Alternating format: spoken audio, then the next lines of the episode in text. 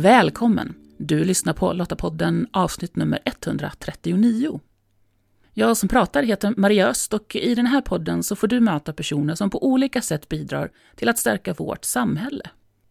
Min förhoppning är att du tar med dig något från det här avsnittet som antingen en ny kunskap som inspirerade dig eller något som gav dig ett tips så att du kan öka din förmåga att främja, förankra och försvara vår demokrati.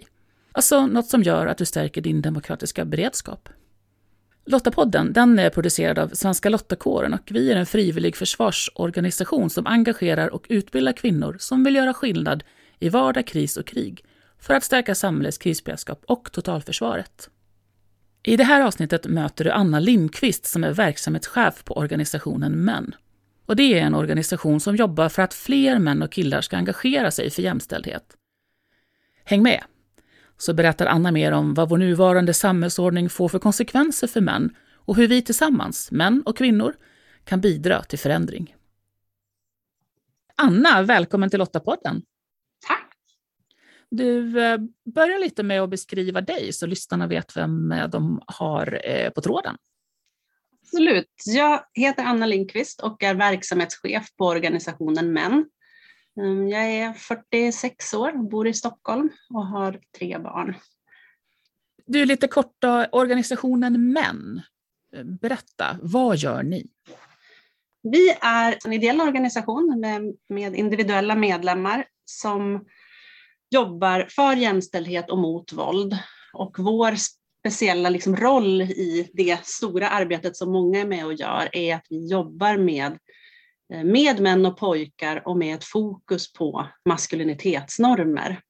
För att vi ser att det är en viktig pusselbit i att få till stånd ett jämställt samhälle. Organisationen Män bildades eh, som ett nätverk först 1993 och har funnits som egen organisation sedan 1999, så vi börjar ha ganska många år på nacken av både mobilisering och att vara en plattform där framförallt män kan samlas och engagera sig för de här frågorna, men också som en expertorganisation inom mm. de områden som vi jobbar med. Och du har ju en bakgrund ifrån att ha jobbat med kvinnor och jämställdhet.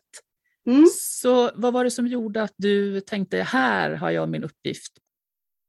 En anledning till att jag hamnade här där jag är idag och i det här arbetet med män och pojkar är att jag när vi jobbade med kvinnors rättigheter och med att stärka kvinnor och kvinnors politiska deltagande och så, så blir det ju ganska tydligt att när kvinnor börjar ta mer plats och kräver makt och utrymme och röst så möter det också ett motstånd från gruppen män. Och vi började titta på hur kan man jobba med det motståndet så att man också skapar på något vis utrymme för kvinnor att kliva fram. Och då kom jag för första gången i kontakt med, med organisationen Män som tidigare hette Män för jämställdhet. Så det var ett slags strategiskt liksom, intresse av att förstå bättre hur man kan jobba med de här frågorna. Men det var också så att jag i, ja, från 2006 och framåt fick tre barn på ganska kort tid och tre söner. Så att frågan om så här, hur pojkar formas till män i i ett patriarkat som vi lever i blev också så väldigt personlig för mig då, att jag insåg att här, jag behöver också kunna uppfostra och stötta och rusta de här killarna för att bli liksom bra och jämställda män. Och hur fasiken gör man det? Det mm. visste inte jag någonting om. Så att, ja, på den vägen är det. Därför hamnade jag här. Underbart sådär ibland, just hur livet tar en, en helt annorlunda vändning utav det man minst anar egentligen. Mm. Du sa ju just det att organisationen Män har ju, varit, eh, har ju funnits till väldigt länge i olika former. Då, men varför är det viktigt då att även eh, män jobbar med jämställdhetsfrågan? Jag tänker att det är viktigt av många skäl. Dels kan inte en så viktig fråga som bristen på jämställdhet vara något som bara ska beröra halva befolkningen, utan det här är ju någonting, precis som andra stora samhällsförändringsfrågor, något som vi behöver hjälpas åt med allihopa. Ehm, det är också så att om det är män som sitter på makt och resurser och har kontroll över väldigt många saker så kan man få män att förändras eh, och utmana eh, den här ordningen så kan det också bli, Mm. få väldigt stora effekter. Därför tänker jag att det är viktigt av det skälet. Vi tänker ju också att män och pojkar skadas också av de här idéerna kring manligt och kvinnligt som vi lever med och eh, det sätt som pojkar formas av det här samhället, det, det mår inte heller män och pojkar bra av. Så att det finns en slags eh, eh, också befrielse för alla, tänker jag. Ett Mm. jämställt samhälle tror vi är ett samhälle som är bra för både kvinnor och män. Ja, för det kan jag uppleva ibland, att det blir väldigt ensidigt. Att kvinnor, när vi pratar om jämställdhet och arbetar för det, så menar vi bara att, att det skulle handla om att vi själva ska gagnas av det. Eh, Och jag tänker det är det som är så fint i det du säger, att, att nej men det här handlar ju om att göra ett bättre samhälle för oss alla.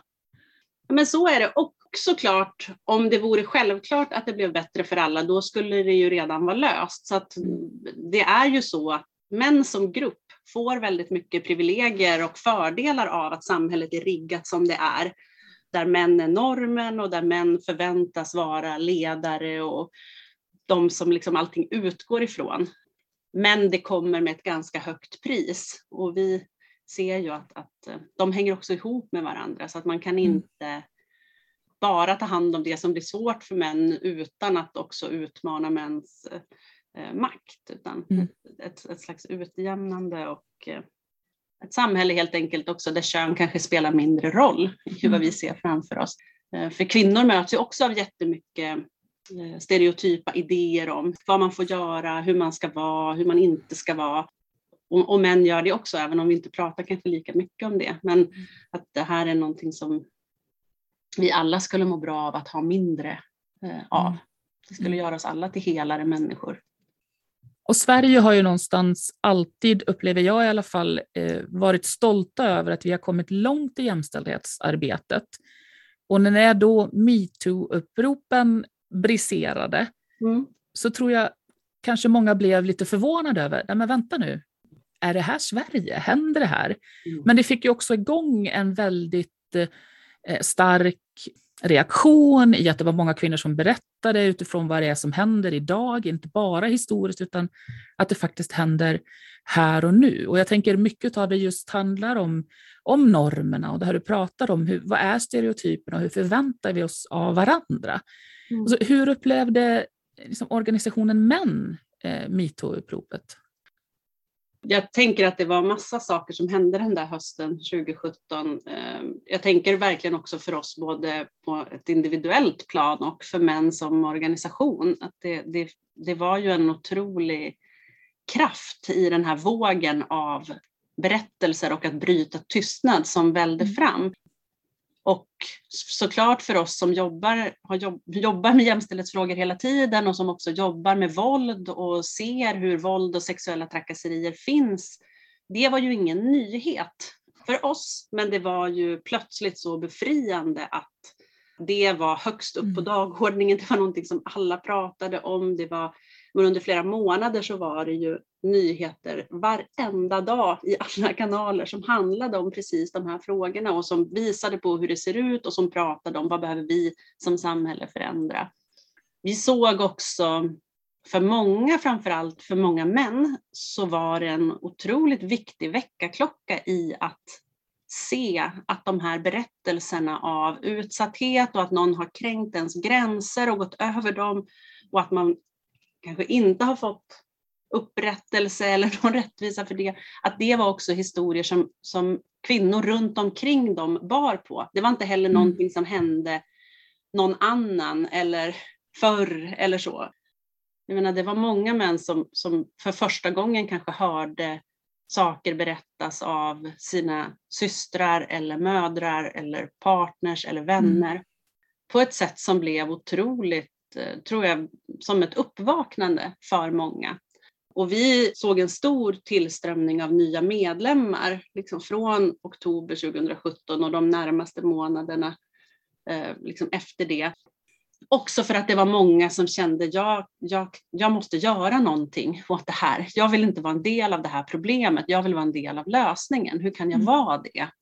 Så att, eh, jag tror att vi tredubblade vårt medlemsantal på på bara två, tre månader. Och mm. gjorde jättemycket aktiviteter också där vi försökte skapa utrymme för män i alla åldrar verkligen att prata om vad är det för berättelser vi hör? Vad väcker det i mig? Vad har jag kanske själv varit med om, sett eller gjort? Eh, hur kan jag ta ansvar för att vara en del av en förändring här? Mm. Ehm, så att det blev en, en otroligt kraftfull väckarklocka och en känsla av att ja, men nu kan väl ingen efter det här säga att vi inte visste hur det mm. såg ut. Men du, har det skett någon förändring då? Jag tror att det har flyttat eh, vår gemensamma förståelse och samsyn kring hur det ser ut eh, jämfört med hur det såg ut före 2017. Att det ändå finns en större medvetenhet hos en stor del av befolkningen om att det här är något som är akut och som pågår och som drabbar väldigt många och som, som är ett problem som vi som samhälle behöver ta hand om. Det handlar mm. inte om några få rötägg som gör det här. Det handlar inte om att några få kvinnor drabbas. Så där, där tycker jag att vi kan se ett, ett, ändå ett, ett, en förflyttning verkligen i, i förståelsen. Och sen tänker vi ju att det, vi ser ju också att det sker saker att det har vidtagits åtgärder.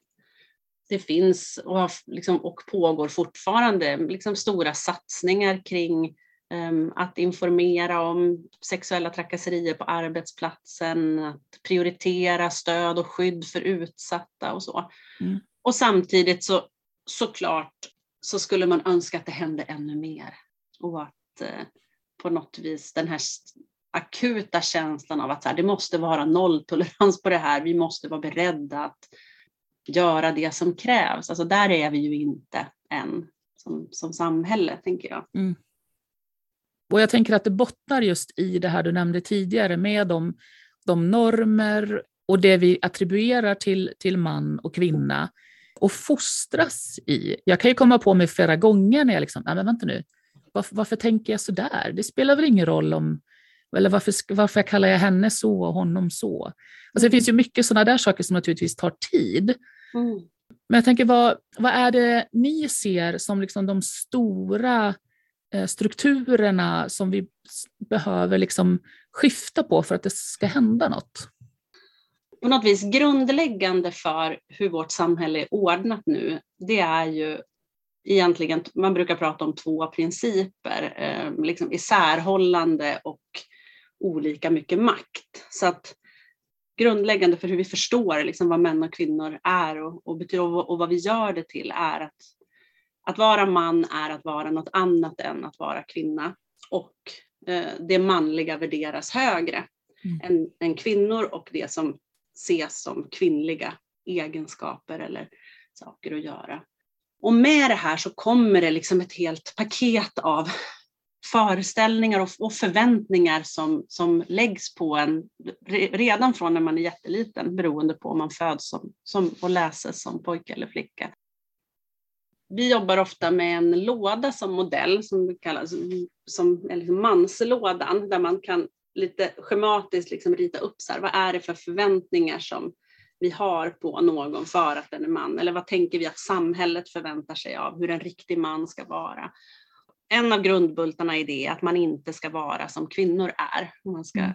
inte hålla på för mycket med saker som, som uppfattas som feminina eller man ska inte man ska inte göra saker som gör att ens, ens själva manlighet kan ifrågasättas.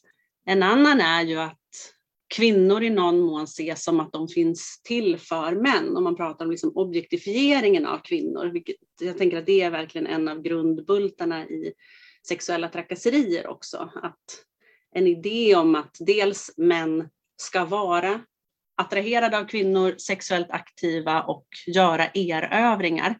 Det sätter liksom mönster hos män av att hur man förhåller sig till kvinnor till exempel på krogen eller och vilka friheter man tar sig.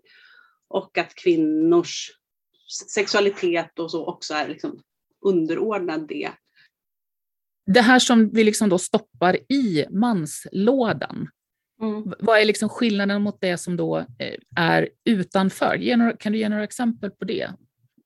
En viktig sak som män förväntas göra, det är att man ska i någon mån stå ut med saker. Man ska vara tuff eller stark eller hård eller åtminstone kunna stå ut med umbäranden på olika sätt.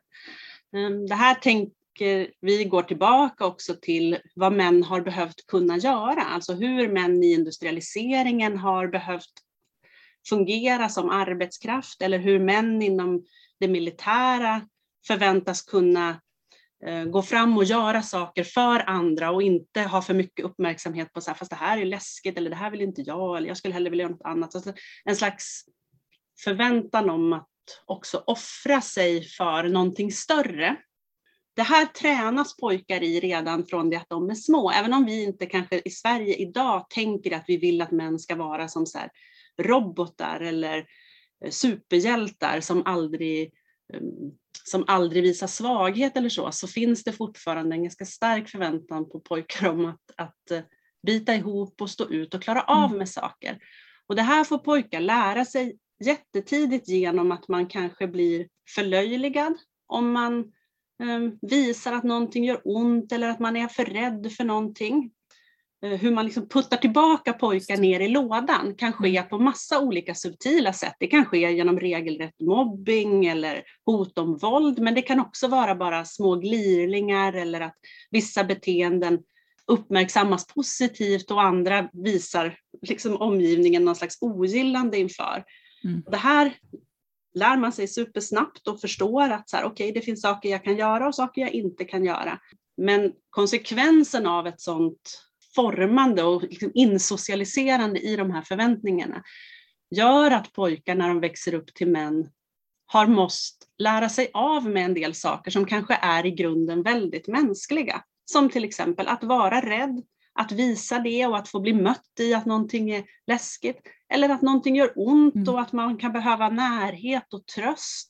Så att vi ser väldigt tydligt att pojkar lär sig att stänga igen om det som är potentiellt liksom skämmigt, mm. eh, som man inte vill att andra ska se. Och det här får konsekvenser för män och pojkar på massa sätt, men också för oss som försöker leva tillsammans med män och pojkar. För att man, man får det här mönstret så blir man kanske inte heller så bra på att känna efter till slut.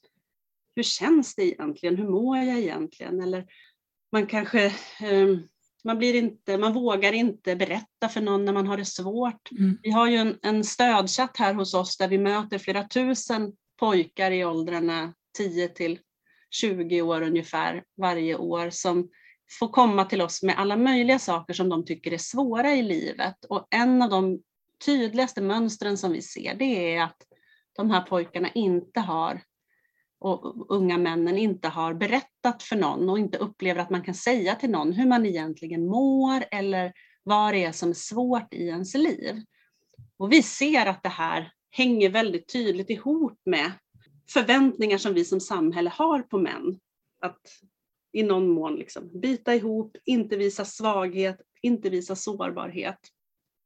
Så det är en, sån, en väldigt en tydlig bit av manslådan jag skulle säga att en annan tydlig bit är dominans. Ehm, att män också lär sig att de ska vara först och främst och man ska vara herre på täppan, man ska vara den som, som har makt.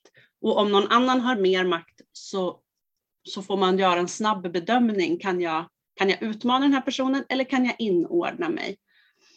Och det här är lite viktigt därför att när pojkar lär sig att, att också följa andra pojkar eller män som har högre status så blir liksom tystnad en viktig del av det. Att man inte heller går in och utmanar någon som har mer status och makt. Och när vi tittar just på sexuella trakasserier, för att koppla tillbaka till det här med metoo och så, så ser vi att män i väldigt hög utsträckning är tysta och passiva inför sånt som andra män gör som inte blir bra.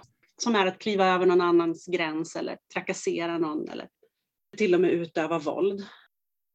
Och det här mönstret, att bara vara tyst och inte utmana, det gör ju att de som beter sig illa kanske får uppfattningen att ja, men då är det här okej. Okay. Mm. För att det var ju ingen som sa något, att det där inte var mm.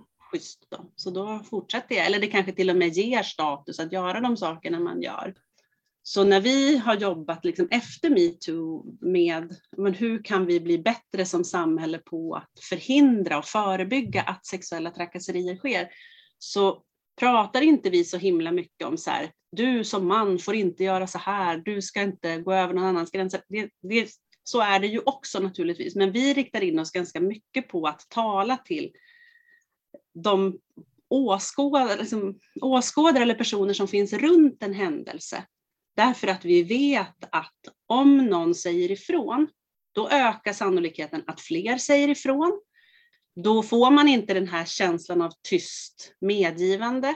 Så att det, det innebär att det är mindre chans att den här personen som kliver över någons gräns fortsätter med det. Men det är också jättebetydelsefullt för den som blir utsatt. När någon mm. annan säger ifrån så får man sitt eget människovärde liksom återupprättat. Och att man känner att Jaha, det, det kändes inte okej, okay. vad skönt att någon annan också säger att det inte var okej. Okay. Medan omgivningens tystnad när man utsätts till exempel för sexuella trakasserier kan också för den som har blivit utsatt uppfattas som att här är det bara jag som tyckte att det här, som mår jättedåligt av det här. Det var ingen annan som sa något så att ja, då kanske det var mitt fel, det kanske mm. var jag som gjorde, ja, och så hamnar mm. man i det med, med liksom självskuld och skamkänslor mm. hos den som har blivit utsatt för något. Och vi, och vi ser här att män är en viktig grupp att nå med det här. Därför att män tenderar att lyssna mer till andra män, att spegla sig i vad andra män tycker. Det är deras godkännande man framför allt är bekymrad om. Så att kan vi uppmana fler män att faktiskt aktivt utmana, ifrågasätta, säga ifrån. Och det behöver inte vara på liksom ett aggressivt och så här, man ingriper som någon superhjältegrej, utan eh, det kan ju också vara väldigt lugnt. Men så här, det här tyckte inte jag var okej. Så vill inte jag att du gör, eller det här tycker mm. inte jag känns okej att säga, eller så. Men det är också svårt att göra det, så att mm. vi jobbar mycket med så här, hur kan man träna på att ingripa när man ser eller hör något som, in, som inte är okej. Alltså det här är ju jättestora frågor, som du säger, absolut ingenting som man bara förändrar över en dag. Det här måste ju vara ett arbete som, som behöver, alltså någonting man behöver jobba med över ganska lång tid och kanske också hitta andra då, att hitta stöd. Jag tänker, det speglar ju väldigt mycket eh, alltså det vi kvinnor gör, tänker jag, i det här att hitta eh, hitta en samhörighet och en gemenskap med andra, att kunna bolla med, att säga den här situationen tycker jag är svår, hur skulle ni ha gjort? Och hitta det här stödet för att sen eh, när det händer igen då förhoppningsvis våga säga ifrån. Män saknar ju väldigt ofta eh, platserna för att ha den sortens samtal som mm. kvinnor kan ha. Eh, eftersom att femininitet, där ingår det att kunna prata om hur man mår och hur man känner och sådär, så har ju väldigt många fler kvinnor rum av olika slag där man kan prata om hur man själv mår och vad som är svårt och, också söka stöd. Eh, många män mm, är kanske som allra mest otrygga när de är med andra män, vilket gör att man kanske inte berättar för någon, ens för sina nära kompisar, hur man faktiskt egentligen mår eller vad man egentligen brottas med. Så att, eh, I någon mån behöver vi också skapa sådana rum för män. Och det andra som jag tänker är jätteviktigt och som vi som organisation tänker är viktigt, det är ju också att män behöver lyssna mer på kvinnors erfarenheter och upplevelser. För att en, en konsekvens av att mannen är norm och att hela samhället, men framförallt män själva, är väldigt orienterade mot män och mäns berättelser och erfarenheter och verklighetsbeskrivning är att det kvinnor upplever och säger kanske man inte tänker är något som är så viktigt för en själv. Ja, men det där är mm. något som kvinnor håller på med. Det. Eller, det vet inte jag så mycket om. Och det här finns ju också i sådana här idéer om att ja, kvinnor är så mystiska och obegripliga. Eller, ja, det är ju någon slags eh, bristande intresse egentligen mm. för kvinnors verkligheter. Eller att män konsumerar väldigt mycket kultur som är gjord av andra män, som beskriver mäns verklighet och i mycket mindre utsträckning läser kvinnliga författare eller så. så att en viktig sak som vi brukar också uppmuntra till, det är ju att ta del av kvinnors nerskrivna, filmade alltså berättelser och erfarenheter och, och prata på riktigt, fråga nyfiket kvinnor i ditt liv hur det är att mm. växa upp som kvinna i det här samhället eller vad man själv har varit, varit med om. Och, och, och se att det skapar också en, en, bättre förståelse och en bättre grund för att kunna sträva mot ett, ett, ett annat samhälle. Vad spännande, jag har inte tänkt på det eh, tidigare, just det här du sa med att, att, att vi kvinnor, alltså i, i grupp så har vi tryggheten. Mm. Och hos männen så är det otryggheten. Just det var en, det var en helt ny tankeväg för mig. På ett sätt finns det ju naturligtvis en massa manliga och, och liksom helgrabbiga miljöer där pojkar är bara tillsammans med andra pojkar. Eh, och de kan ge status och en känsla av att vara i mitten och en känsla av att få vara med och att det finns liksom en styrka i det. Men det är också miljöer där man i någon mån hela tiden måste vara på sin vakt. Därför att när killar själva behöver anstränga sig för att passa in i lådan och liksom inte uppfattas som omanliga, så börjar man också liksom polisa andra killar. Så att för att liksom visa att jag vet hur, vad det är som gäller här, då kan man liksom också som en strategi trycka till andra killar som kanske inte passar in. Och det gör att så här, helmanliga eller så här, pojkgrupper kan bli väldigt, eh, ja, men väldigt otrygga att vara i och att man mm. behöver hela tiden hålla upp en, en fasad. Och så finns det ingenstans riktigt där man kan prata om det. Så, att, mm. det är jätte... så hur jobbar ni för att skapa eh, tryggheten, för att skapa de här möjligheterna och rummen där man faktiskt vågar prata om det och, och visa sårbarhet? Vi har flera olika sorters, ska man säga, liksom samtalsgruppsverksamheter. Förutom chatten som ju är ett så anonymt och, och enskilt stöd som, som man kan söka så ordnar vi också pappagrupper och samtalsgrupper och killgrupper och så. Och då följer de en ganska enkel metod egentligen där man försöker skilja på att debattera och prata om hur det är och att prata utifrån sig själv. Det här är vad jag har upplevt och varit med om. För killar blir oftast ganska bra på att ta plats i samtal om när man ska prata om politik eller samhället eller så. Men man är mycket mer ovan i att, att, mm. att prata bara utifrån sig själv och inte liksom ta spjärn mot eller bedöma eller så vad andra mm. säger och tycker. Så vi jobbar i rundor, man får sin egen tid, den använder man som man vill. Man får inte ifrågasätta eller gå i liksom polemik med någon som har sagt något, utan utifrån ganska enkla frågor så får var och en lika mycket tid att berätta. Och, och, ofta kan det hjälpa att man till exempel samlar en grupp män som inte känner varandra sedan innan och sätta spelregler om att så här, det som sägs i det här rummet, det stannar här. Eh, egentligen samma metoder som, som feministiska basgrupper och kvinnors på något vis arbete har, har präglats av också.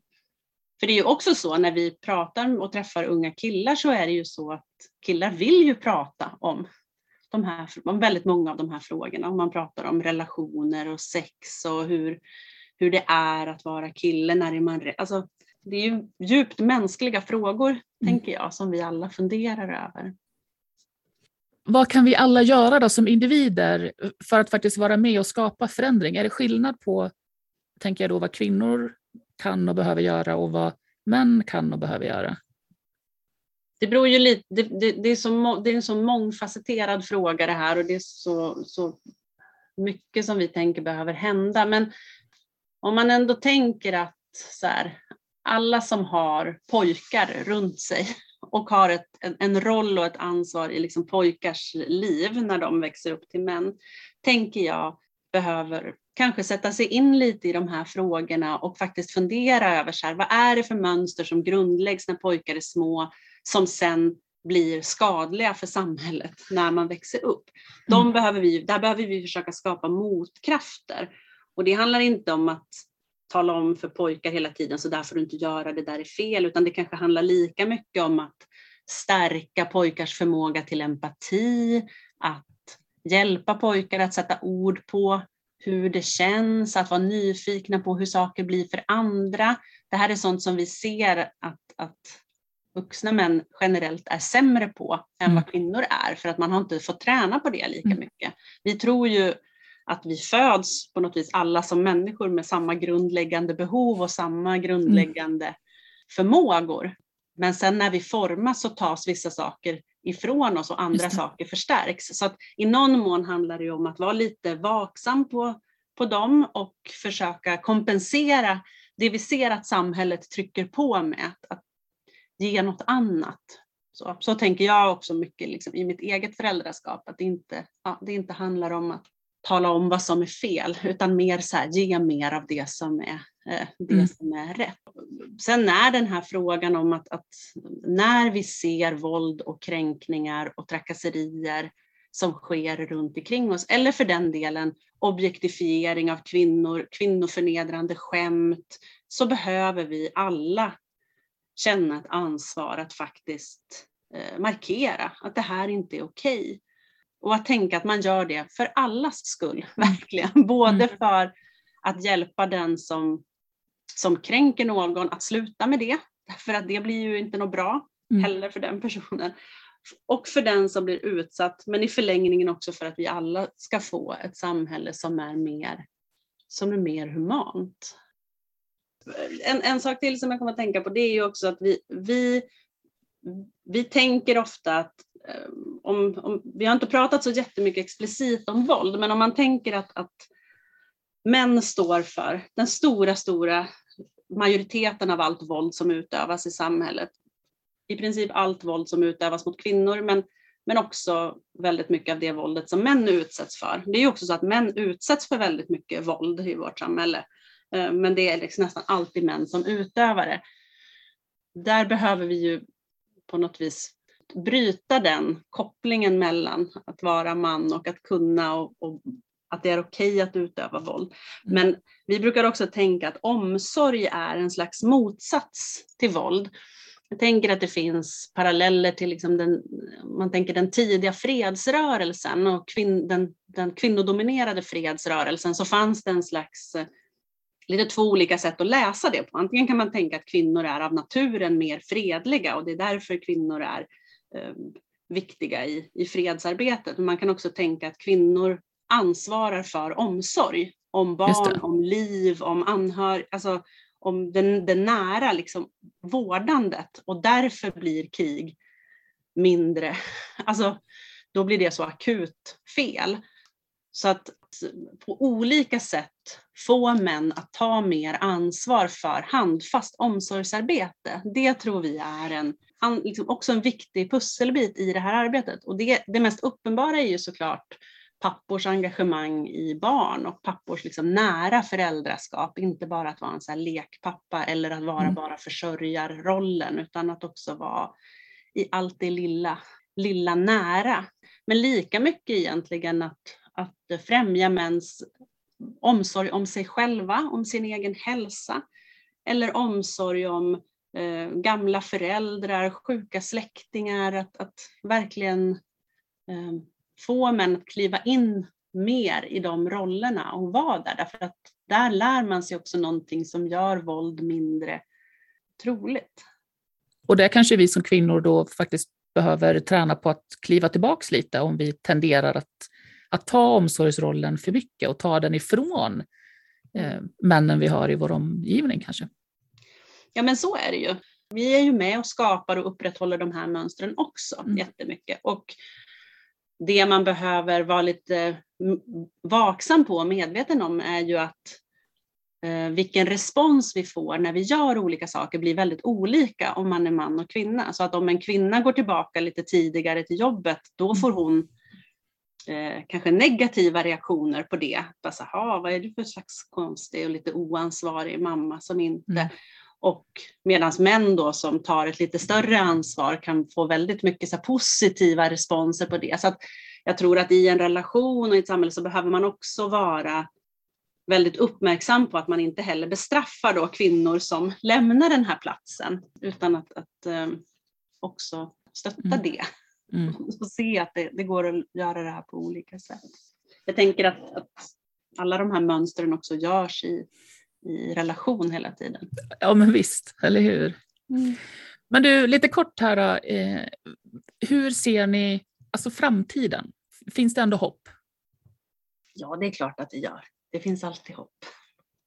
Jag tänker att en av de saker som är hoppfulla framåt, det är ju att vi mer och mer börjar se hur olika destruktiva system och strukturer som vi lever under också hänger ihop med varandra och att det inte är liksom separata kamper som ska föras. Det är inte så här klimatfrågan är en och sen är liksom ett slags rättvist, socialt, ekonomiskt rättvist samhälle, det är en helt egen fråga och jämställdheten är en helt egen.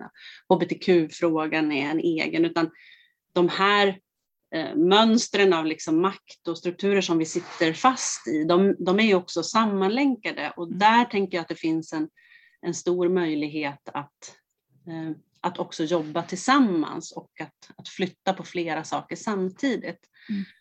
Och möjligen kommer liksom klimatkrisen och den, det vi, vi oundvikligt går emot kommer också att innebära att saker kommer att förändras dramatiskt i hur samhällen fungerar. Och det lika, läs, lika mycket som det är någonting läskigt och som man kan liksom bäva inför så är det ju också så att förändring också innebär möjligheter att göra nytt Mm. och att organisera samhällen på nya sätt.